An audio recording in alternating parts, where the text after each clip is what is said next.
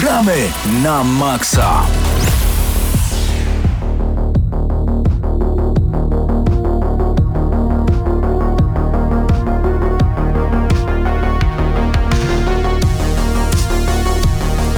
To jest zawsze dobra nuta. To jest Jak zawsze. ten bicik wchodzi w ogóle. Pięknie, to oczywiście z Far Cry Blood Dragon e, polecamy bardzo gorąco. Dodatek do trójki, który był samodzielnym dodatkiem, który nawiązuje do lat 80. Tak brzmi dobrze. Słyszałem, że ten gatunek nazywa się neon metal. Kojarzysz takiego artystę jak Perturbator? Perturbator, On oczywiście. robił muzykę do Hotline Miami, dzisiaj muzyka z Hotline Miami również u nas. Byłem na koncercie ostatnio stary. Miazga. Tego się nie da opisać. To muzyka, która normalnie na słuchawkach robi ci z mózgu Ja bigos, wiem. Mhm. to wiesz, w wersji na żywo to jest po prostu bardzo dużo. Witamy w Gramy na Maxa. Tak jest, w ogóle dzisiaj audycja będzie krótsza, bo jestem strasznie głodny. Co? Chciałem sprawdzić, czy drugie studio jeszcze z nami żyje. Witamy Żyje. was bardzo gorąco. Mateusz Danowicz, Eurogamer.pl, a także Mateusz Widut, Patryk Ciesielka, Hubert Pomykała i Paweł Typiak. Tu gramy na maksa. Uu! Dzisiaj będzie audycja inna niż wszystkie, ponieważ dziś mamy troszeczkę mniej materiału, ale to nie znaczy, że mało, ponieważ chłopaki byli znowu na zachodzie, gdzie dobrobyt uśmiechem wita wszystkich i otwartymi ramionami. To- Czyli w Warszawie. tak. W Warszawie, w Warszawie, Warszawie Okej. pod Lublinem, gdzie jedzie się naprawdę bardzo, bardzo szybko. E, więc mogę powiedzieć, że to jest Warszawa pod Lublinem. No i panowie ogrywali. Patryk Ciesielka, miałeś na głowie gogle VR i do tego miałeś takie najbrzydszy kontroler, jaki powstał na świecie w kształcie pistolet. No taki Sharpshooter Tak. 2.0. Sharpshooter zgadza 2.0 się. polobotomii.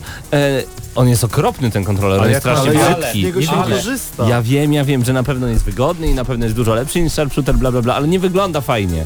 Nie, no nie wygląda fajnie, ale jeżeli już się go trzyma, to jest y, że, rzeczywiście porządnie zrobiony. Czyli jeżeli już kupicie ten kontroler do Farpointa, to, już, to lepiej go trzymajcie, bo jak go nie będziecie trzymać, to on nie, nie To będzie będziecie dobry. głodni. Nie, tak, dobra, tak koniec. jest. E, natomiast Mateusz, ty podobno Ja nie grałem. Ja No nie właśnie. grałem, ale poszedłem widziałeś. oglądać ekrany dla gamerów, które nadchodzą w najbliższych miesiącach, które wychodzą na dniach i które niedawno wyszły, Mhm. ale o tym no to już za kilka, kilkanaście minut będzie. Ja się nie mogę doczekać, ale Mateusz, chciałbym drugiego Mateusza zapytać. E, w co ostatnio ty grałeś? Ponieważ ty bardzo często masz dostęp do jeszcze większej ilości gier niż my tutaj w Gramy na Maxa. Może uchylisz nam rąbkę tajemnicy? To znaczy głównie to byłem na Tekenie, bo ja też byłem na zachodzie e, w Warszawie i grałem w Tekena 7 w Story Mode, Ło. e, który jest, będzie moim, wydaje mi się, grałem tylko półtorej godziny. Chyba jedna trzecia całego e, trybu fabularnego w Tekenie 7, e, ale wydaje mi się, że to będzie najlepszy dotychczas e, fabularny tryb w tej Jak serii. jest rozwiązany ten tryb fabularny? Czy tutaj mamy coś na zasadzie Tekkena 6, czyli e, usiłowanie zrobienia dobrej, trójwymiarowej nawalanki chodzonej, tak jak na, Fighting na, Force? Na, na czy szczęście nie, mi się Mortal to mi się Kombat podoba. To jest bardziej Mortal Kombat. Ekstra. Właśnie wyciągnęli wnioski, jakby widać, że przyglądali się grom e, NetherRealm, czy Mortalowi właśnie Injustice. Ekstra. E, ta e, narracja jest taka bardzo filmowa, praktycznie jakbyś oglądał film takiej akcji absurdalnej klasy B, jak, jak, jak, jak to jest z historią w Tekenie. No tak. Ale bar, bardzo fajnie jest urozmaicona rozgrywka, bo oprócz walk z tymi wojownikami głównymi z Tekena, e, czasem walczymy też ze słabszymi przeciwnikami, z minionami można powiedzieć. Na przykład jeżeli w cutscence atakujecie grupa najemników czy tam e, policjantów, to z nimi walczysz w grze. Po kolei jeden za drugim wpadają na, na arenę. Są takie urozmaicenia jak na przykład w jednej misji grałem Larsem i normalnie strzelałem z karabinu maszynowego do przeciwników. Mogłem No. w każdym momencie wyjąć albo schować i wtedy jakby zamieniał się trochę w takie bardziej strzelankę 3D e, ten etap, więc e, bardzo ciekawe jakie sposoby na urozmaicenie rozgrywki e, w tej kampanii.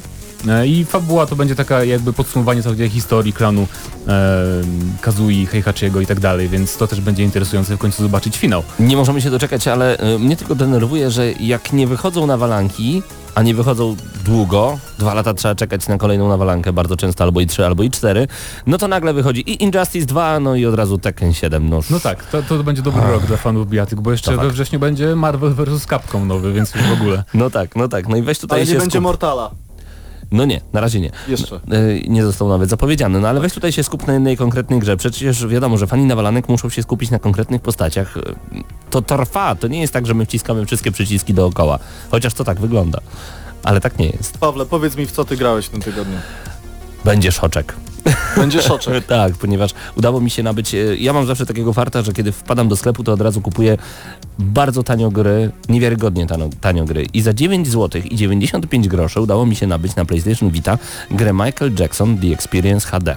No i rozumiem wasze miny, ponieważ ja miałem bardzo podobną minę i po... Jesteśmy skonsternowani. moja żona powiedziała do mnie, Paweł, ja rozumiem, że to jest tylko 10 zł, ale ty tej gry nawet nie włączysz.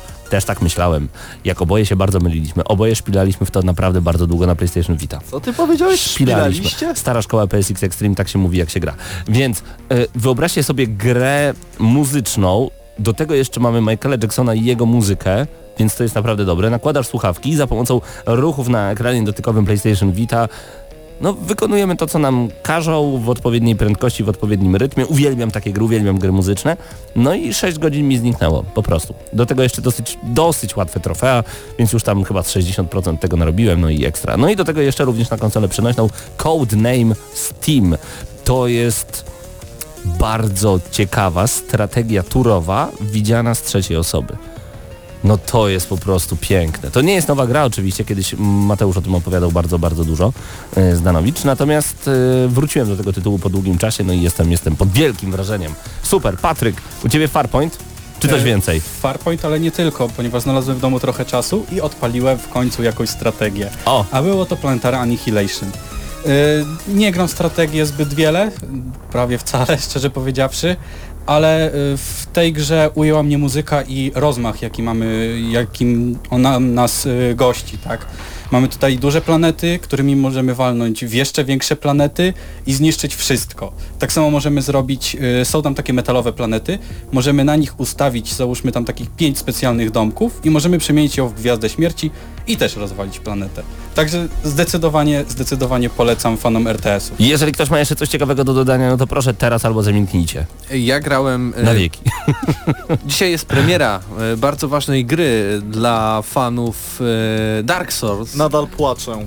e, czyli Huberta Pomykały, naczelnego.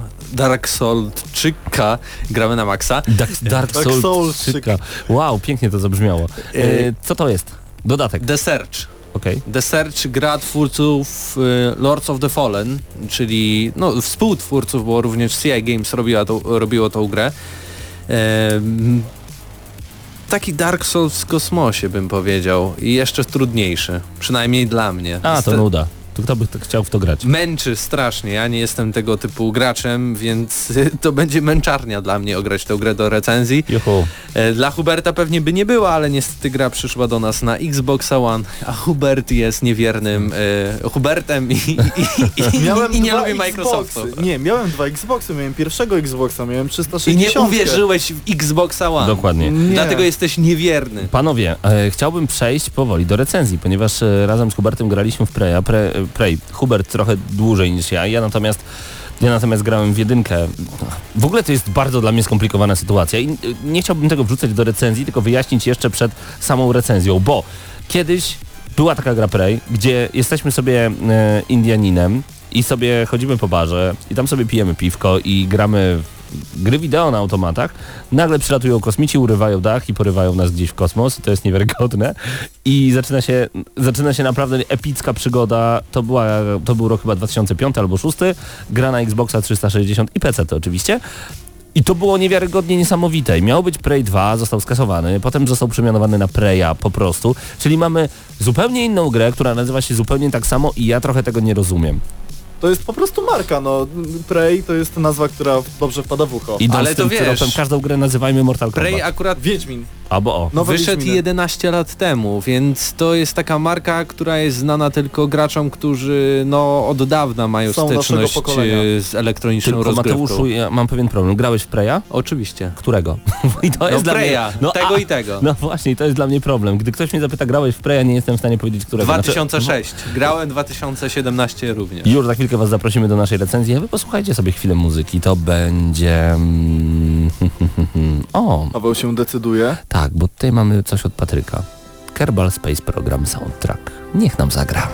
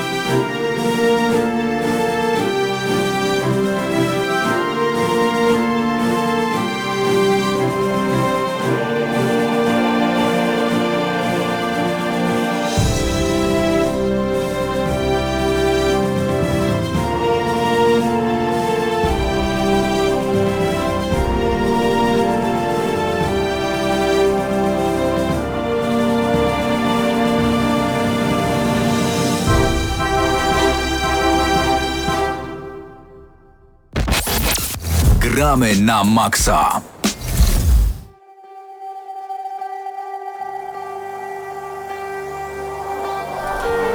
To jak bardzo ważna jest muzyka w grze Prey z 2017 roku, to jest coś niesamowitego. Pierwszy raz odpaliłem tę grę na słuchawkach, było późno, nie mogłem grać głośno na kinie domowym i byłem oczarowany i stwierdziłem, że całą grę będę przechodził właśnie w ten sposób, ponieważ muzyka budowała napięcie, wzmagała emocje i zaskakiwała, potrafiła przestraszyć, potrafiła także ukoić, ale przede wszystkim od samego początku pokazywała, że była ważna, dlatego dużo tej muzyki także i w naszej recenzji. I bardzo dobrze, że zwracasz na to uwagę, ponieważ Prey jest grą, w której muzyki praktycznie w ogóle nie ma. Ona Dy- pojawia się tylko w e, specjalnych momentach.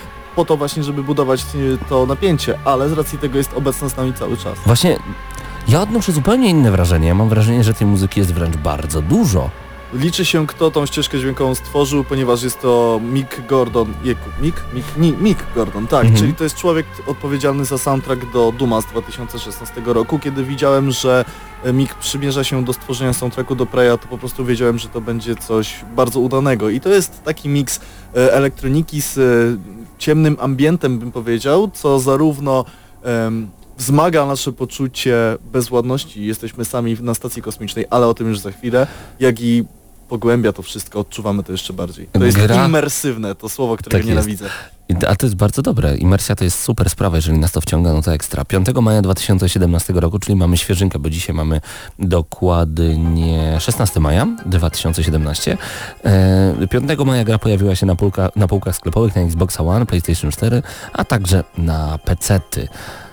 Kiedyś Prey to była gra o Indianinie, który jest porwany w kosmos i mamy shooter i chodzimy po ścianach. W skrócie. Nie zaglądajmy tam. Czym jest nowy Prey? Nowy Prey jest grą o Morganie albo o pani Morgan Yu, ponieważ y, to jest takie imię, które możemy wybrać niezależnie od tego, czy kontrolujemy albo kobietę, albo mężczyznę. Nazwisko Yu po prostu. Nazwisko Zostaje, bo jesteśmy no imię Azjatą. Morgan, tak. Jesteśmy, jesteśmy Azjatą. Sytuacja jest podobna chociażby do drugiego Deus Exa, gdzie również mogliśmy, pomimo imienia Alex, mogliśmy grać albo kobietą, albo mężczyzną. Jesteśmy kosmonautami, tudzież po prostu pracownikami, którzy cały swój czas spędzają na stacji kosmicznej Talos 1, tylko od samego początku nie wiemy, że tak jest. Natomiast nie jest to żaden spoiler, ponieważ demo Preya zostało do, udostępnione na jakiś czas przed premierą gry i to było demo w postaci pierwszej godziny rozgrywki, więc em, początek jest taki, że lecimy gdzieś helikopterem, e, potem lądujemy gdzieś właśnie biurze firmy Transtar, która tutaj odgrywa bardzo ważną rolę w całej grze. I w takim momencie nagle dochodzi do jakichś dziwnych zjawisk, no a dalej już gra toczy się w taki sposób, jaki powinna, czyli jest mrocznie, jest duszno, jest klaustrofobicznie i naprawdę przygnębiająco. Chociaż y, Prey z drugiej strony w bardzo sensowny sposób jest w stanie to wyważyć. Może ludzie, ludzie piszą, ludzie mówią, że Prey jest e, spadkobiercą Bioshocka, Jasne. na dodatek y, to była gra, która była wielką niewiadomą. Wiedzieliśmy jedynie, że w kosmosie pojawiła się czarna substancja, która y, potrafi zmienić się we wszystko, co nas otacza, w postaci na przykład kubka albo y, krzesła. W sensie nigdy nie wiemy, czy jakiś przedmiot, który przed nami nie, y, nie, po prostu nie leży, nie jest tą czarną substancją. W praktyce wyszło, że to są kosmici, mimo wszystko. Mhm. E, to też nie jest spoiler. Natomiast e, gra jest bardziej spadkobiercą System Shocka. Tych e, dwóch części, od których Bioshock czerpał. To System Shock 2 był bodajże, miał premierę w 99 roku, o ile się nie mylę, i Prey jest jego bardzo mocnym spadkobiercą. Natomiast jeśli chodzi o systemy i powiedzmy sposób zaprezentowania całej rozgrywki w postaci chudu, to jest żywcem przeniesione z Bioshocka. Tak jest. E, Bardzo podobny jest fakt, że od samego początku nie mamy zielonego pojęcia, co się dzieje dookoła. Żeby jeszcze troszeczkę zachęcić Was do sprawdzenia historii Preya albo do ściągnięcia sobie zupełnie z Afriko e, pierwszej godziny, Wyobraźcie sobie, że budzicie się rano, robicie jakieś zwyczajowe rzeczy, a potem raz jeszcze budzicie się rano i na przykład już nie macie trzy nieprzeczytane maile, tylko tych maili jest 12 i wszystkie brzmią uciekaj natychmiast, niebezpieczeństwo. Koniec, więcej już nie opowiadam. E, Więcej musicie sami sprawdzić. Dokładnie tak. To E, jest na- bardzo dobra informacja tak, Tak, naprawdę. natomiast e, mnóstwo podobieństw, między innymi będziemy nadpisywać swoje geny, tylko w trochę inny sposób. Będziemy mieli dzięki temu rozwój naszej postaci, rozwój naszych umiejętności. To samo było właśnie w Bioshocku. Tak jest. Nie pamiętam dokładnie jak to się Tam plazmidami. Plazmidy. A tutaj mamy y, nanomody. Nie Mhm. pamiętam dokładnej nazwy w tym momencie. Tak czy inaczej są to swego rodzaju przedmioty, które wyglądają trochę jak suszarki i zbliżamy je do swojej czaszki, żeby y, polepszyć powiedzmy naszą percepcję pod pewnymi względami, pod względami hakowania, Zwiększyć siłę. zwiększyć siłę, Tak tak, y, naprawę. Później będziemy mogli w trakcie rozgrywki przejąć moce kosmitów. Ale to dopiero po kilku godzinach rozgrywki. To też było wiadomo od samego początku. Zresztą z Pazmidami było podobnie. Przyjmowaliśmy od Big Daddy ich, ich umiejętności. No nie, przesadziłeś. Nie, nie od Big Daddy. Nie od Big Od- Daddy. Po prostu tak. one były wcześniej zaplanowane, więc mogliśmy używać telekinezy, podpalać, używać roju pszczół i tak, Tak jest. dalej. E, czym jest nowy Prey? Nowy Prey mm, nie jest horrorem. To na pewno. Ale ma, Ma takie horrory. zacięcie. I jak najbardziej ma elementy horroru, jak najbardziej można podskoczyć. I jest to całkowicie zrozumiałe, ponieważ Prey Szczególnie, że w tle jest taka muzyka, naprawdę. Aha. Prey nie jest grą, która straszy tak zwanymi jumpscarami, czyli nagle nie wyskoczy przed nas przeciwnik, który nas przerazi. Wiemy zazwyczaj, że postacie, z którymi będziemy się mierzyć są w danym pomieszczeniu i musimy ich unikać, ponieważ tak jak to było w przypadku Resident Evil e, 7, czyli najnowszej odsłony serii Capcomu, to jest e, FPS, czyli strzelanina, w której za dużo nie postrzelamy. W Preju musimy liczyć każdy pocisk i wykorzystywać całkowicie ukształtowanie terenu. Jesteśmy w końcu na zamkniętej, ogromnej bazie w, gdzieś w głębi kosmosu, a mamy tam takie, no mamy tam zarówno meble, jak i serwery, wszystko co może się znajdować w kosmosie w tego typu miejscach. Możemy się na to wdrapywać, możemy się pod tym chować, więc ma to elementy skradankowe. A jest to w jakiś sposób wytłumaczone, ponieważ Prey jest y, grą Arkane Studios, tudzież Arkane Studios, które stworzyło Dishonored. I specjalnie po to, żeby Prey y, był dobrą konwersją, jeśli chodzi o komputery stacjonarne, y, stworzono tę grę w oparciu o technologię CryEngine zamiast y, silnika Void, na którym hul- hulało, że tak się wyrażę, Dishonored pierwsze i drugie, ponieważ było bardzo dużo narzekania generalnie na Dishonored 2 i na jego płynność na komputerach stacjonarnych. Mm, Broń, z którą się posługujemy w Preju jest na dodatek nietypowa. Tak jak mieliśmy w Rezydencie, tam był kozik w postaci noża, który tak naprawdę był najbardziej użytecznym gadżetem spośród wszystkich. Mieliśmy pistolet, strzelbę. W Preju mamy również pistolet i strzelbę, ale mamy również e, gadżety, które są bardzo niespotykane. Na przykład coś, co nazywa się działkiem Lepik w polskim tłumaczeniu. W wersji angielskiej to jest Glue Cannon, czyli to jest bardzo sprawne i bardzo udane tłumaczenie w gruncie rzeczy. Jest to działko, które strzela taką białą mazią, która natychmiast zastyga i możemy tego używać w kilku celach. Pierwszym jest tworzenie sobie przejścia, przykładowo nad pomieszczeniem. Jeśli widzimy, że są wysokie meble dookoła nas, możemy po, tym, po tych kulach tego lepiku wskoczyć sobie wyżej i uniknąć wrogów. Również z racji tego, że nasi przeciwnicy są bardzo szybcy, y, potrafią w każdej chwili nam uciec albo się teleportować za nas, możemy ich e, zamrozić, można powiedzieć, no obkleić, że ob, obkleić, no język polski taki trudny. No tak. Możemy ich zamienić chwilowo w kamień. Oczywiście oni są w stanie się wyswobodzić. Nie każdy rodzaj przeciwników, ale na dużą ilość gagatków to działa.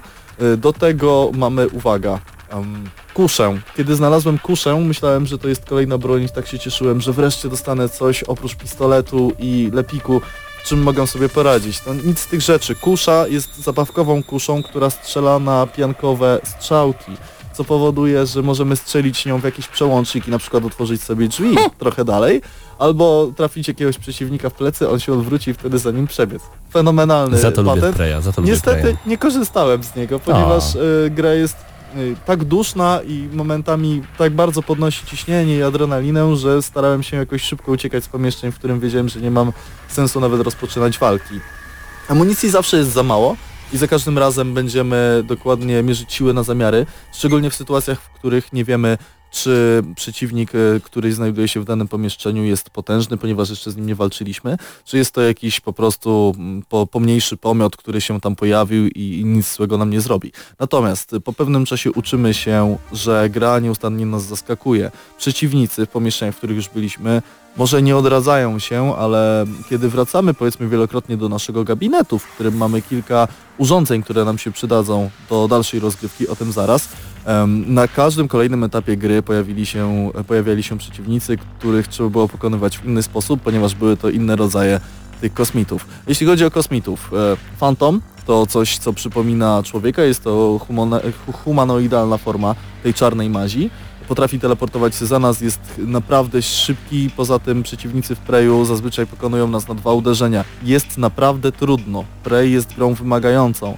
I myślę, że Jaki poziom ustawiłeś sobie na początku? normalny. Ja trudny. I to jest no, trudny w pierwszej godzinie w demie i byłem przerażony, że nie mogłem po prostu ukończyć tego dema. Wreszcie mi się udało, ale to była czas, czas godziny, czas to była jedna godzina rozgrywki, a grałem znacznie dłużej, ponieważ cały czas ginąłem. E, Na dodatek y, jest to o tyle skomplikowane, że przeciwnicy naprawdę celnie trafiają nas ze wszelakich kul, mocy i tego typu rzeczy.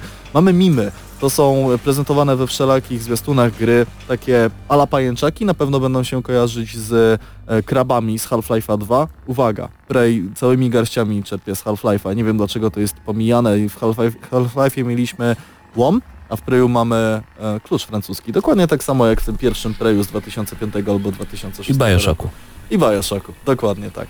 E, mamy mimy, mamy fantomy. Fantomy przybierają różne formy, na przykład potrafią przejąć e, moc e, i płonąć, albo być pokryte e, ładunkami elektrycznymi, wtedy na przykład lepik nie działa, albo jest O. praktycznie bezużyteczny. Również przykładowo telepaci, to są takie latające kulki, które są w stanie przejąć kontrolę nad innymi ludźmi, którzy znajdują się na stacji. Zazwyczaj widzimy tylko i wyłącznie pozostałości po człowieku, który się tam znajdował. Co ciekawe, w grze wszyscy, którzy się pojawiają jako postaci ludzkie, nieważne czy te, które przegrały z obcymi, czy te, które gdzieś czekają na to, żebyśmy je wy- wyswobodzili, są podane z imienia i nazwiska. Wystarczy, że podejdziemy do komputera i znajdziemy listę i tam mamy imię i nazwisko każdego pracownika. Jeśli pracownik został zamieniony w fantoma, to nie mamy nad nim znaku zapytania jako istoty, bo nie wiemy co to jest, tylko mamy dokładne imię i nazwisko, ponieważ w, komputerze jest jego dokładna lokacja i wiemy co on robił. Poza tym grę i fabułę poznajemy w bardzo sprytny sposób, który jeszcze bardziej wzmaga tą atmosferę zaszczucia i bycia same, samemu w kosmosie. Mianowicie podchodzimy do komputera i tam czytamy maile, y, sprawdzamy bazy danych i pobieramy pliki. Y, W, To może trochę odstraszyć wiele osób. to może ukrywam. odstraszyć trochę wiele osób, ale możemy to zupełnie pominąć, ponieważ nie jest to em, nie jest to wymagane do zaliczenia głównego wątku No fabularnego. okej, ale jednak ten wątek jest naprawdę ciekawy. Jest bardzo ciekawy. Ja nie lubię tego typu rzeczy w grach, ponieważ mnie to nudzi, ale w Preju tych elementów jest naprawdę dużo. I Jest to gra dla odbiorców dojrzałych. Nie, nie bez powodu mamy na opakowaniu znaczek 18, czyli od 18 roku życia. Nie dlatego, że jest to jakaś niesamowicie brutalna i krwawa produkcja, dlatego, że poruszane tam problemy są powiedzmy, że rzeczywiste i sytuacje, z którymi się tam zmagamy, e, naprawdę potrafią zrobić wrażenie. Przykładowo, e, znajdujemy żywego człowieka, który jest zamknięty w więzieniu, który prosi nas, żeby nas wypuścił. Nagroda za to wypuszczenie go z tego więzienia jest bardzo interesująca. Facet y, może nam zaoferować kod do pomieszczenia, w którym wiemy, że może być naprawdę dużo jakiegoś ekwipunku, który przyda nam się w dalszej części rozgrywki. Ale przed jego szklanym pomieszczeniem, w którym stoi, widnieje komputer, w którym mamy opisane, dlaczego on został w tym więzieniu zamknięty. I w tym momencie mamy możliwość albo wypuścić jednego z tych mimów do jego pomieszczenia, wiedząc, jakie rzeczy poczynił w przyszłości, albo go uwolnić, ale uwalniając go nie wiemy, czy on nas nie zaatakuje, nie wiemy, co się z nim stanie, tym Nic nie bardziej wiemy. Nie wiemy nic. Na dodatek, kiedy czytamy o jego przeszłości, naprawdę mamy wątpliwości, co z tym zrobić. Specjalnie w tym momencie zapisałem grę po to, żeby zobaczyć obie ścieżki fabularne i byłem w obu przypadkach naprawdę usatysfakcjonowany. Szok. Questy poboczne, które na dodatek pojawiają się e, w bardzo nietypowy sposób, bo możemy je całkowicie pomijać, są w Preju dopracowane do perfekcji. Dla mnie to jest ogromny plus produkcji, która w założeniu miała być FPS-em, niekoniecznie strzelaniną, ale FPS-em. Dlatego ciężko mówić o czasie, który potrzebny nam jest do ukończenia Preya. Można skończyć go w 15 godzin, to bardzo dużo, dużo jak na strzelaniny, ale znam osoby, które grają w niego 25 godzin. Jest to zupełnie zrozumiałe. Wielokrotnie będziemy się gubić, wielokrotnie będziemy e, szukać i odnajdywać skróty, ale nie jest to takie błądzenie na ślepo, w którym w pewnym momencie po prostu tracimy pomysł, co dalej zrobić, ponieważ stacja jest otwarta od samego początku. Możemy robić wszystko, na co tylko mamy ochotę. Możemy, jeśli tylko mamy jakiś klucz, jeśli mamy kartę, która pozwoli nam przebić się do kolejnego pomieszczenia, róbmy to. Zresztą gra daje nam y, całkowite zielone światło pod względem robienia czegokolwiek. Trochę stop. Dawaj. Ja wiem, że mógłbyś teraz opowiadać jeszcze kolejnych 15 minut, ale ja chciałbym jeszcze trochę o technikaliach, ponieważ gra jest w Dobra. 100% spolonizowana. Mamy polski dubbing, który jest naprawdę dobry i mamy przede wszystkim wewnętrzne teksty, które są po polsku, dzięki czemu zrozumienie tej gry na konsolach to nie jest najmniejszy problem. I tutaj wielki plus za to, bo nie wszystkie Polonizacja jest naprawdę dobra. Tak. Z racji tego, że to nie jest słowo w słowo przetłumaczone z języka angielskiego. Nie jest to sztywne. Nawet ten lepik, no co byś chciał, klej, klejgan, klej, pistolet, pistolet, glue. Pistolet na klej, nie wiadomo co. Tak, Lepik. to jest, to jest po prostu dobre tłumaczenie. Ktoś usiadł i powiedział jasno, zrobimy to w taki i taki sposób, żeby Tak. to rzeczywiście robiło odpowiednie wrażenie. I robi odpowiednie wrażenie. Gra w ogóle się nie przycina. Dosłownie w trakcie rozgrywki miałem jedno przycięcie, które minęło po chwili. Cały czas utrzymujemy o ile się nie mylę, nawet 60 klatek. Zresztą to jest gra, w której 60 klatek nie robi żadnego wrażenia i, i nawet nie musi to być gra w 60 klatkach. E, jeśli chodzi o względy techniczne, jest bardzo dobrze. Ludzie trochę narzekają na warstwę graficzną, wcale mnie to nie dziwi, ponieważ gra wygląda trochę lepiej niż pierwsze Dishonored. Być może jest to poziom pomiędzy pierwszym a drugim Dishonored, tak, tak według mnie to wygląda. Jeśli chodzi o modele postaci i to, to jest element, który najbardziej zdecydowanie przeszkadza. Chodzi mi głównie o postacie ludzkie, mimo że gra jest utrzymana w tej samej tonacji e, ala komiksowej, quasi-komiksowej jak Dishonored. Natomiast e, wszystkie oświetlenie, całe oświetlenie, tekstury i pomieszczenia to jak najbardziej się zgadza, więc tak naprawdę do warstwy wizualnej się nie przyczepiam. To jest melodia, którą usłyszymy, gdy zginiemy w preju, a będziemy ginąć w preju wielokrotnie i będziemy uczyć się na własnych błędach, ale nie na zasadzie takiej jak chociażby w serii Dark Souls, kiedy giniemy, bo popełnimy ewidentny błąd, tylko Prey daje nam tak dużo możliwości pokonania pewnych przeszkód, zupełnie poważnie mówię, że możemy to robić. W sensie, na przykład, nie mamy klucza, nie mamy tej karty, o czym mówiłem, nagle okazuje się, że gdzieś jest szyb wentylacyjny, którym możemy wyłączyć światło, co pozwoli nam otworzyć drzwi, albo przeskoczyć dzięki lepikowi gdzieś wyżej, przedostać się Opcji od jest góry. dużo. Opcji jest dużo, możliwości jest dużo. O co Paweł chcesz jeszcze Mi się zapytać? kojarzy Gustavo Santaolalla z The Last of Us, jeżeli słyszę ten kawałek od Tak, razu. tylko że właśnie ten utwór usłyszymy dosłownie w wersji kilkusekundowej, kiedy pojawi nam się ekran. I na początku. Tak jest, i tak na jest. początku. E, dźwiękowo bardzo dobrze, muzycznie jeszcze lepiej, graficznie średnio plus. Średnio plus. E, polska po- po- polonizacja po prostu. Rewelacja, jak dla mnie. Znaczy bardzo dobrze. O, może Dwa tak. duże błędy. Jakie? Pierwszy, system hakowania. Jeśli y, swoje punkty z neuromodów, bodajże to są neuromody, tak, jeśli swoje punkty za neuromody wpakujecie w system hakowania, to będą to punkty zmarnowane. To jest rzecz absolutnie do poprawy i mam nadzieję, że w najbliższych e, patchach to się rozwiąże i absolutnie każda recenzja, którą czytałem się z tym zgadza. Po prostu to jest niedopracowane, nie da się tego wyczuć, jest to naprawdę bardzo trudne. Na dodatek każde hakowanie powoduje, że tracimy punkty życia, apteczek i wszelakich mm, rzeczy do konsumpcji jest w Preju jak na lekarstwo. To jest gra tego typu. To jest w dużej mierze survival jednak mimo wszystko. To jest jeden minus. Natomiast drugi minus jest taki, że gra jest momentami tak trudna, że nie wybacza błędów pod tym względem, że... O, to piękny język polski, znowu się powtórzyłem. Ale bywa, zdarza Jest się. okej, jest okej. okej. E, Kiedy tracimy amunicję, bo czasem tak się zdarza, że ktoś nas zaatakuje i nie byliśmy na to przygotowani, więc odruchowo przycisk na, nasz każe po prostu strzelać w każdą stronę i tracimy e, magazynek automatycznie, to tej amunicji jest tak bardzo mało, że dochodzimy do momentu w grze, w grze, w której możemy być zupełnie puści. Wtedy zostaje bieganie po mapie z nadzieją, że coś znajdziemy, unikanie wszystkiego i cały czas wczytywanie systemu, e, cały czas wczytywanie save'ów, bo w Preju nie ma checkpointów, które przydałyby się z jednego konkretnego powodu. Rozumiem system szybkiego zapisu i zdecydowanie wszyscy go chcemy, ale system szybkiego zapisu powoduje, że mamy ochotę oszukiwać grę, ponieważ tak jak to było chociażby w Falloutie, y, zaatakujemy jakiegoś przeciwnika i orientujemy się, że za dużo amunicji nam zeszło w walce z nim. W takim razie wczytujemy poprzedni zapis, a to nie jest bardzo imersywne rozwiązanie, to jest oszukiwanie gry. Y, Wolałbym możliwość wybrania pomiędzy checkpointami a szybkimi zapisami, wybrałbym wersję z checkpointem, być może bym to zmienił w trakcie rozgrywki, to, to by już było w ogóle fenomenalnie dobre. Natomiast był taki moment po 15 godzinie rozgrywki, że przez kolejne półtorej godziny miałem naprawdę wrażenie, że a, to już po wszystkim, że nie dam rady, że spaliłem swojego safe'a i nie ukończę gry. Prey kończy się kilkoma różnymi zakończeniami i gwarantuję wam, że większość z nich jest satysfakcjonująca, natomiast historia zarówno w wątku głównym, jak i w każdym wątku pobocznym jest ciekawa, natomiast sama stacja i jej tajniki będą zachęcały was do tego, żeby to Ocena. wszystko olać. Ocena? Ocena.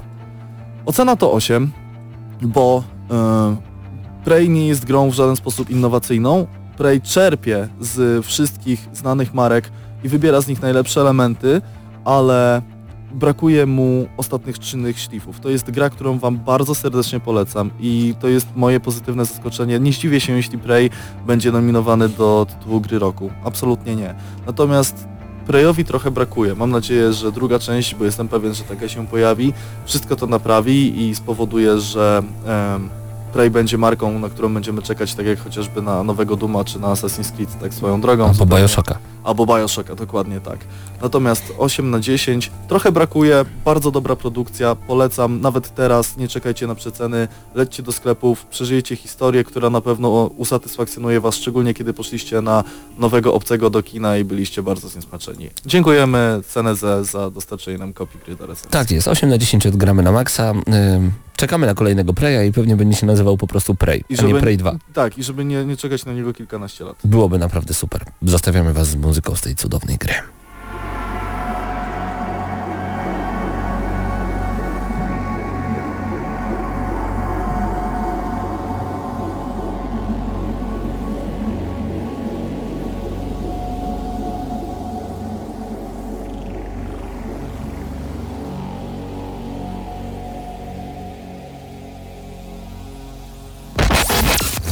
Gramy na maksa.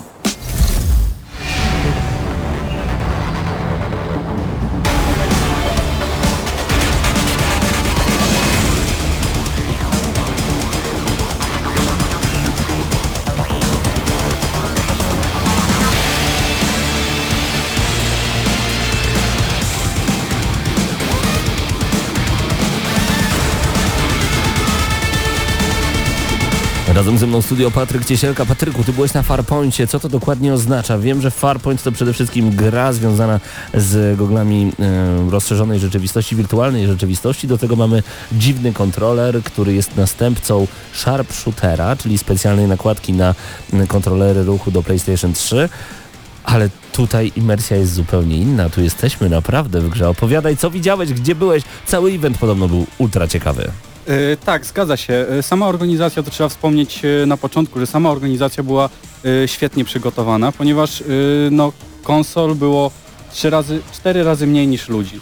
I coś trzeba było z tym zrobić, więc Sony zrobiło nam prezentację nieba nad Warszawą, ponieważ odbył, cały, cały event odbywał się w Muzeum Technologii mieli sprzęt, którym mogli zasymulować takie jakby niebo. Mhm. I było całe omówienie, jak gwiazdy wyglądają i tak dalej. I w tym czasie druga połowa e, osób i w tym czasie druga połowa osób e, miała możliwość ogrywania e, Farpointa. I Mhm. jeżeli już nam się skończyła ta cała, ten cały wykład, to wtedy my sobie wyszliśmy na spokojnie i tamte osoby poszły do tej sali. Także nie było żadnych kolejek, można było od razu stanąć, przetestować sobie Farpointa. I teraz o samej grze. No właśnie, bo to mnie bardzo O. ciekawi, bo widzimy tylko i wyłącznie reklamy, gdzie mamy na sobie Google VR, jesteśmy w grze, strzelamy, to jest chyba spełnienie marzeń każdego. Y, Zgadza się, a poza tym sama, y, sama gra jest świetnie zrobiona, y, ponieważ mimo, mimo dobrej y, rozdzielczości i bardzo fajnego wyglądu, ona się nie zacina. Ani razu nie zdarzyło mi się, żeby gra mi się zacięła. Y, Poza tym y, to chodzenie w prawo, w lewo y, jest y, największym problemem w tych grach, bo jeżeli mamy strzelankę, one zazwyczaj są takie mm, stacjonarne. Są takie na szynach, Y, jeżeli chodzi o tego typu shootery. Y, tak, no w każdym bądź razie stoimy w miejscu, nie możemy się ruszać. I problem jest taki, że jak chodzimy na boki, to zaczyna nam się robić niedobrze, mamy zawroty głowy. Y, tutaj jest y, bardzo fajnie wykorzystane takie rozmycie kamery, y, takie różne sztuczki, dzięki którym ja na przykład nie odczuwałem żadnego dyskomfortu. Potra- mogłem biegać po tej mapie w, tym, w tej z powrotem, w przód, w tył i nic mi się nie działo. Y, sam, sam kontrol jeszcze jest dopasowany, to też tylko tak wspomnę potem szerzej o tym kontrolerze, jest zrobiony dokładnie tak samo jak broń, czyli tu gdzie trzymamy broń, tutaj mamy wszystkie przyciski na kontrolerze i no imersja jest świetna. Sam, sama gra ma e, taką postać, jeżeli ktoś kiedyś grał na automatach tych z tymi karabinkami. Tak jak House of the Dead na przykład? Tak, albo to jest stare gry z obcym na automatach. Mhm. Y, to to wygląda dokładnie tak samo. Że przechodzimy, wyskakuje nam jakaś y, fala przeciwników i strzelamy do nich. Tylko, że tutaj mamy do tego ruch, y, mamy, mamy dużo przeciwników i przeciwnicy mają zupełnie różne zachowania, czyli można to porównać też trochę do Duma te zachowania przeciwników, do tego nowego Duma, gdzie każdy przeciwnik ma swoje unikalne cechy, swoje unikalne zdolności. Czyli mamy tutaj szarżujące robaki, mamy tutaj robaki, które się zakradają i skaczą do nas. Mamy robaki, które strzelają z daleka i musimy też zestrzelić pocisk i dopiero potem y, pokonać y, tego robaka. Mamy takie, które się kopują pod ziemię i musimy strzelić w to miejsce, w którym akurat ta ziemia się rusza. Także no jest y, sporo, y, sporo takich y, rzeczy, a trzeba pamiętać, że pograłem tylko pół godziny, tylko nawet można powiedzieć aż pół godziny. No właśnie, bo ty byłeś w środku, ty byłeś w tym świecie, ty nie byłeś w jakimś em, automacie, nie patrzyłeś na ekran, tylko ty byłeś w tej grze.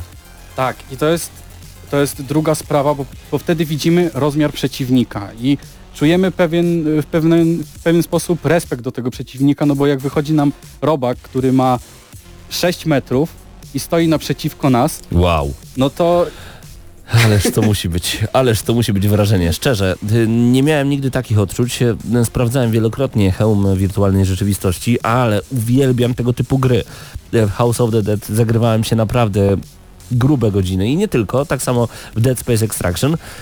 Wydaje mi się, że to mogłaby być gra dla mnie. Powiedz mi, czy właśnie to jest tak, że patrzymy do góry i widzimy tego wielkiego robala? Czy ta imersja jest tak ogromna, że my w tym świecie jesteśmy naprawdę? wyobraź sobie wielkiego 6-metrowego robaka, który na ciebie szarżuje. To musi... Ja bym uciekał. No dlatego trzeba uciekać. Pięknie, pięknie. I wszystko jest, wszystko jest tam bardzo dobrze wykorzystane, no bo nie, nie nudzi się, w ten sposób powiem, nie nudzi się ta gra, bo w większości takich strzelanek, y, strzelankach jest ta powtarzalność pewna, ale tutaj dochodzi nam jeszcze ta y, wirtualna rzeczywistość i sporo, po każdym levelu tak naprawdę dochodzi nam jakiś nowy przeciwnik, którego też musieliśmy się nauczyć i no chcąc nie chcąc grało się przyjemnie. Okej. Opowiedz trochę o tym kontrolerze, bo wygląda naprawdę dziwnie, jak zwinięta rura od odkurzacza. Y, Zgadza się. Jeszcze y, niedawno śmialiśmy się z Marcinem, y, z Marcinem Górniakiem, że wygląda jak y, takie cztery rurki PCV sklejone ze Tak, sobą. dokładnie.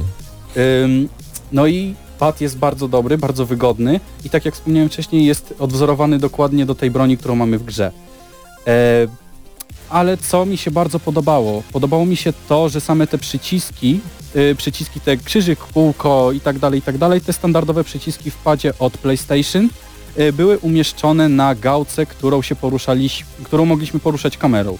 Oczywiście tę opcję można wyłączyć i po prostu przekręcać się w hełmie, no ale przy tej gałce były te przyciski. I jeżeli mieliśmy y, szybko zmienić broń, bo trzeba pamiętać o tym, że sama gra jest bardzo dynamiczna jest trudna, przede wszystkim jest trudna, bo mm, na przykład jak próbowałem kilka razy y, jeden poziom, no, no przez 10 minut przechodziłem jeden poziom.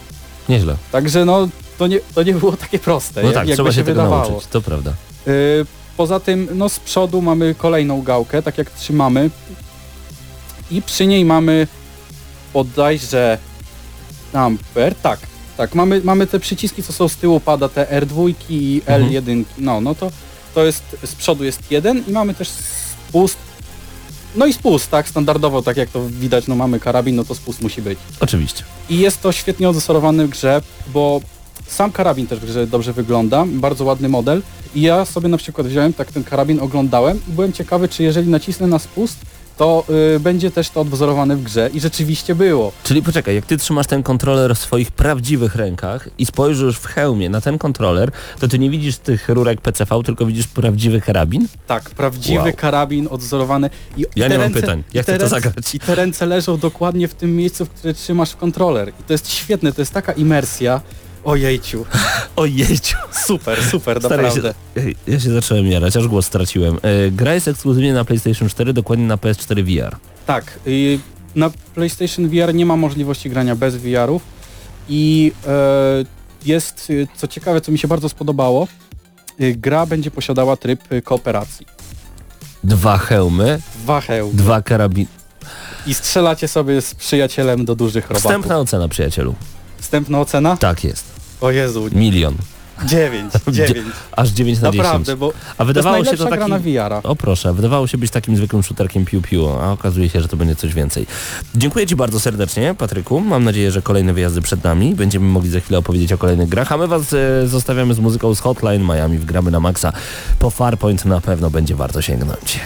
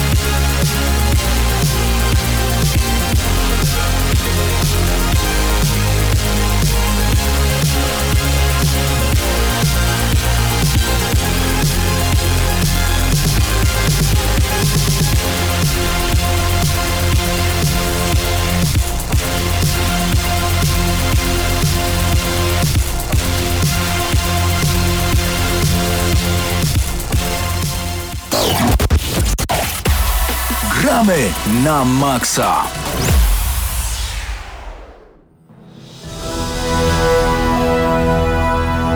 Cześć Mateusz, ty oglądałeś przepiękne monitory, które mają wyświetlać przepiękne obrazy i my dzięki temu mamy na te przepiękne obrazy przepięknie patrzeć i widzieć przepiękne gry. Czy tak było? Tak, cześć Pawle. Dzień dobry. E, byłem na spotkaniu prasowym e, firmy AOC i Philipsa. Em, Zobaczyłem najnowsze produkty, które teraz wchodzą na rynek i które wejdą do końca tego roku, a nawet i w przyszłym roku, bo też zostały zaprezentowane plany takie na kilka miesięcy, a nawet lat do przodu. E, Co warto zaznaczyć, e, może nie mówilibyśmy tak dużo w ogóle o monitorach, ale to jest e, audycja o grach i o gamingu, a oczywiście mnie interesowały monitory No gamingowe. Jak I co ważne, mm, te dwie firmy, AOC i Philips, mają ponad 22% udziału w rynku w Polsce i są numerem jeden, więc no jakby oczywiste dla mnie było, że no to pójdziemy, zobaczymy. Jeśli Oczywiście. najwięcej osób w Polsce ma monitory od nich, no to trzeba jakoś to e, sprawdzić. Ty również byłeś w Warszawie. Tak, w Warszawie. Okej. Y, AOC zaprezentuje w najbliższych miesiącach y, monitory Porsche Design. Nie wiem czy wiesz, ale są też takie telefony Huawei'a.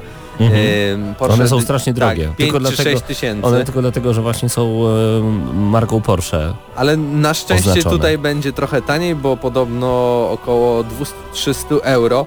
I oczywiście oprócz tego, że tam całkiem interesująco wyglądają, e, to również mają te e, ekrany bezramkowe IPS i co roku będzie premiera, więc to jest podobno taka mm, umowa na dłużej.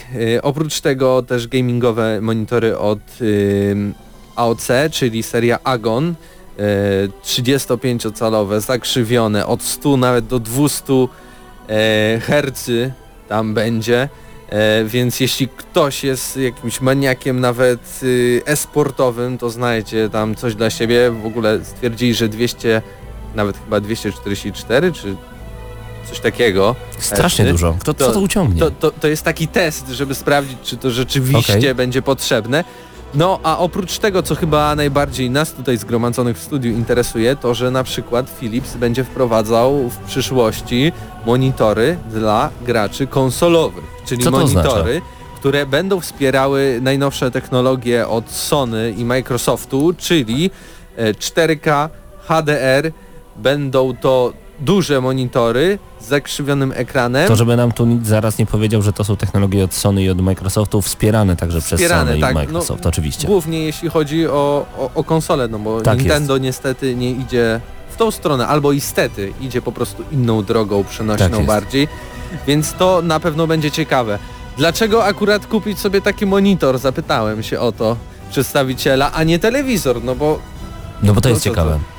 Podobno wszystko będzie rozchodzić się o właśnie input lag, który będzie tak jak w monitorach takich typowo gamingowych na poziomie nawet 2 milisekund. Ale o tym Lag właśnie, to jest, Tak. tylko jeszcze szybko przypomnę, Mhm. to jest e, to opóźnienie e, w momencie, w którym klikacie na pad, a sygnał wysyłany jest do telewizora z jakimś lekkim opóźnieniem i to wszystko zależy od telewizora. O tym O tym będzie właśnie teraz w wywiadzie, który przeprowadziłem z przedstawicielami marki. zapraszamy Was bardzo gorąco w Gramy na Maxa. Czas na wywiad. Gramy na maksa.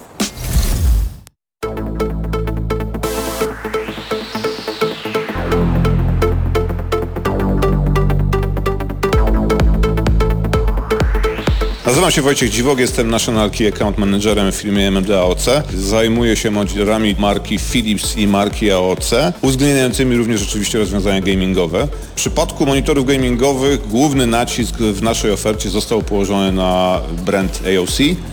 E, Bo tam muszę przyznać bardzo konsekwentnie od kilku lat budujemy portfolio produktów gamingowych. Stawiamy głównie na gracza hardkorowego, na gracza, dla którego istotne są y, parametry hardware'owe monitora. Stawiamy na bardzo szybkie matryce, stawiamy na bardzo szybką elektronikę w samym monitorze, stawiamy na rozwiązania typu FreeSync, G-Sync, które zdecydowanie poprawiają jakość odbieranych gier przez użytkownika siedzącego przed ekranem. I to głównie realizowane jest właśnie w obrębie marki AOC.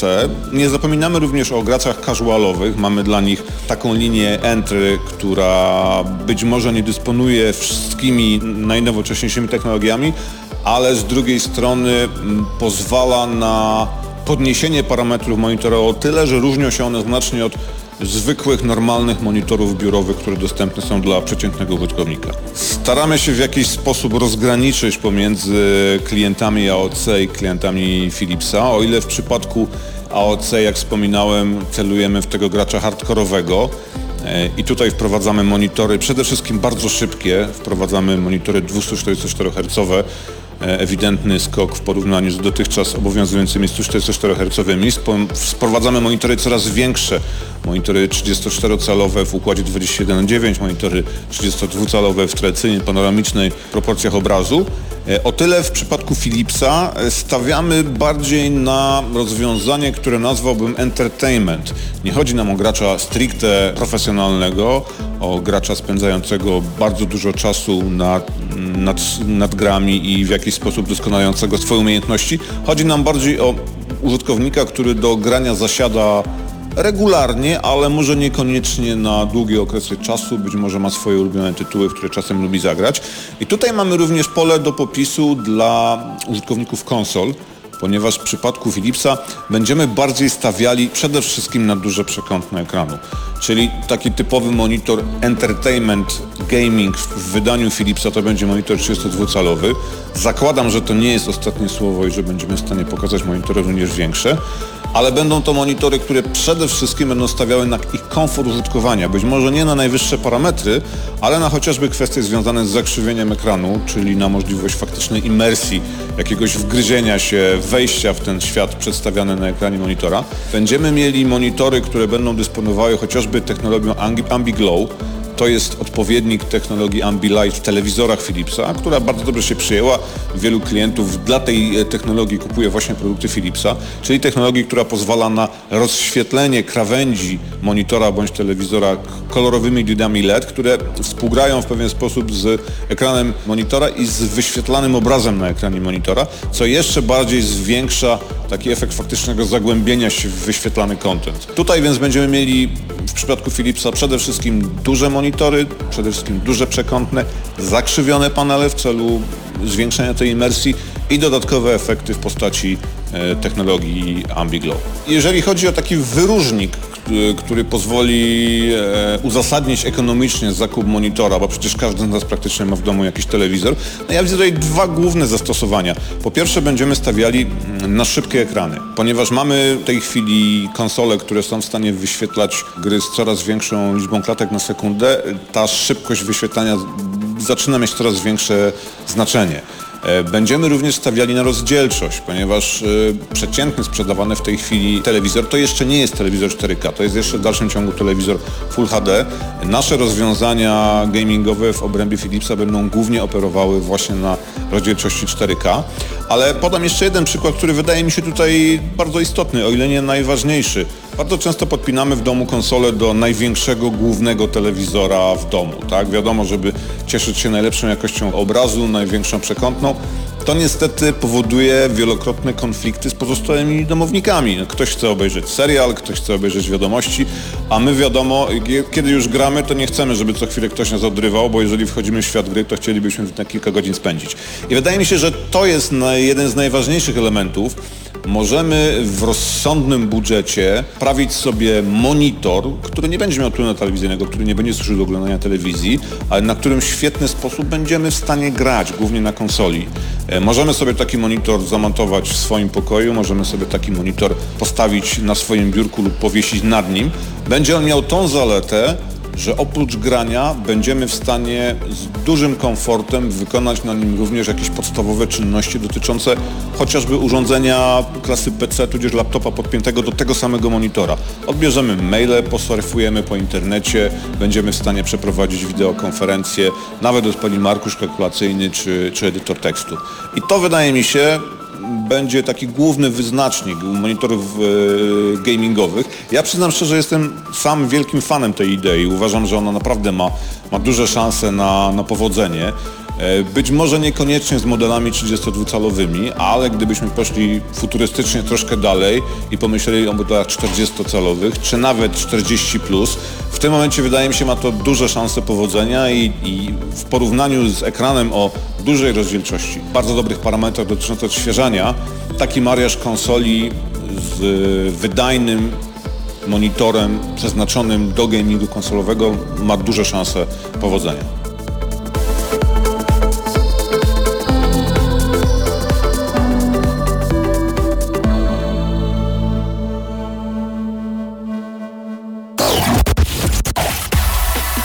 Gramy na maksa.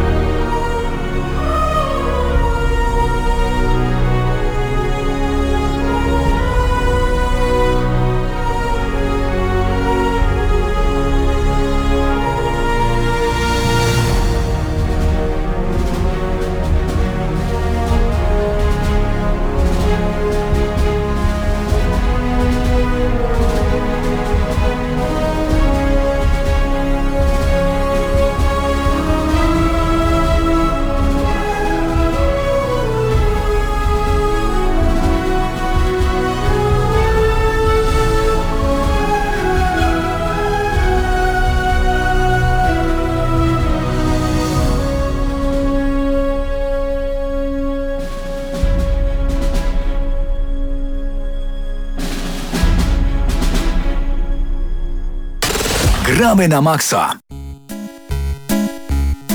Panowie, wracamy do audycji Gramy na Maxa i oczywiście panie, które nas w tym momencie słuchają na 89,9 FM w Radio Free. Czas na Quake Champions. Wiem, że niektórzy mają już wrażenia ogromne.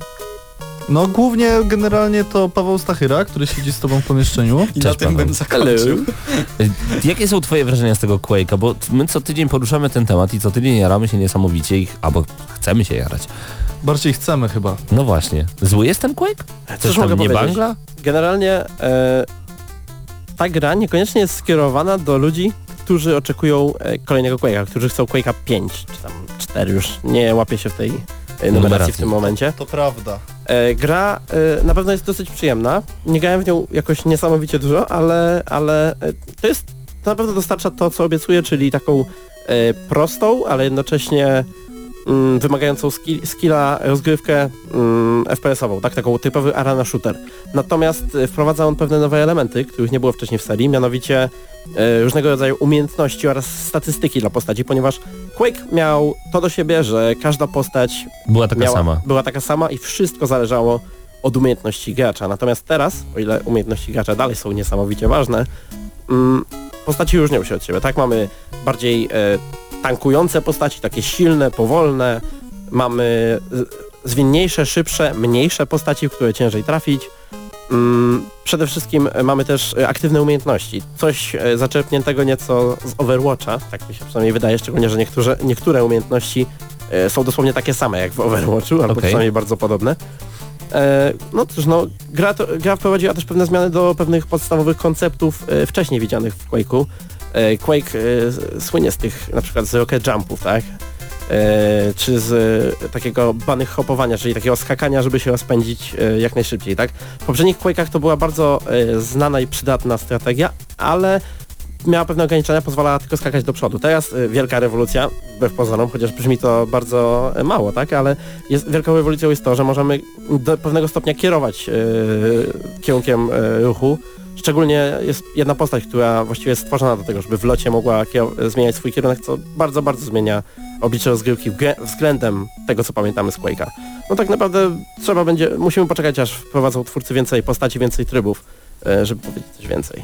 Ja chciałem się Pawle zapytać, jak y, dźwięk oceniasz, bo ja chciałbym bardzo naprawdę usłyszeć jakiś trochę więcej takich elektronicznych bitów, Y, nie jest ale to... Mhm. mam przynajmniej u Ale mnie mówisz o dźwięku czy o muzyce? Mówię, właśnie mówię zarówno o dźwiękowieniu, jak i o muzyce. Bardzo chciałbym trochę więcej jakichś elektronicznych bitów usłyszeć, tylko Quake przynajmniej na moim komputerze działał trochę niestabilnie i boję się, żeby padł Powiem- system albo Powiem coś. Ci tak, Quake generalnie działa bardzo niestabilnie na niektórych systemach i na niektórych kartach i to nie ma nic wspólnego z tym, jak karta jest silna w tym momencie. Ona po prostu jest bardzo źle e, em, bardzo źle zoptymalizowana na ten moment i to, do, To niektórych, prawda. do niektórych konkretnych kart.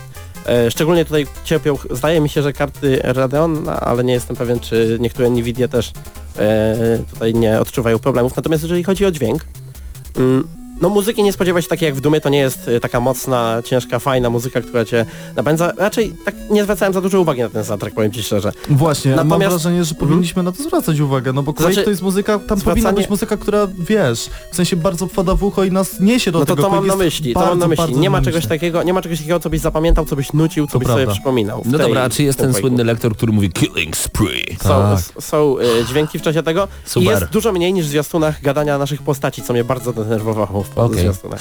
Nie możemy się doczekać. To już pełna wersja kiedy właśnie? Nie mam bladego pojęcia. No trzymamy kciuki, żeby wyszła jak najszybciej i oczywiście my będziemy grać w najbliższym czasie w Injustice 2 i będziemy grać w kolejne tytuły, które do nas schodzą różnymi drogami.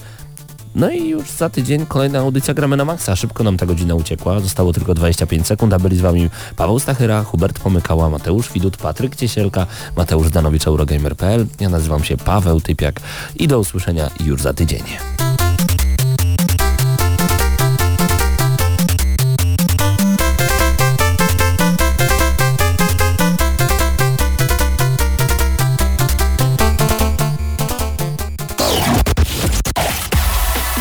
Gramy na maksa.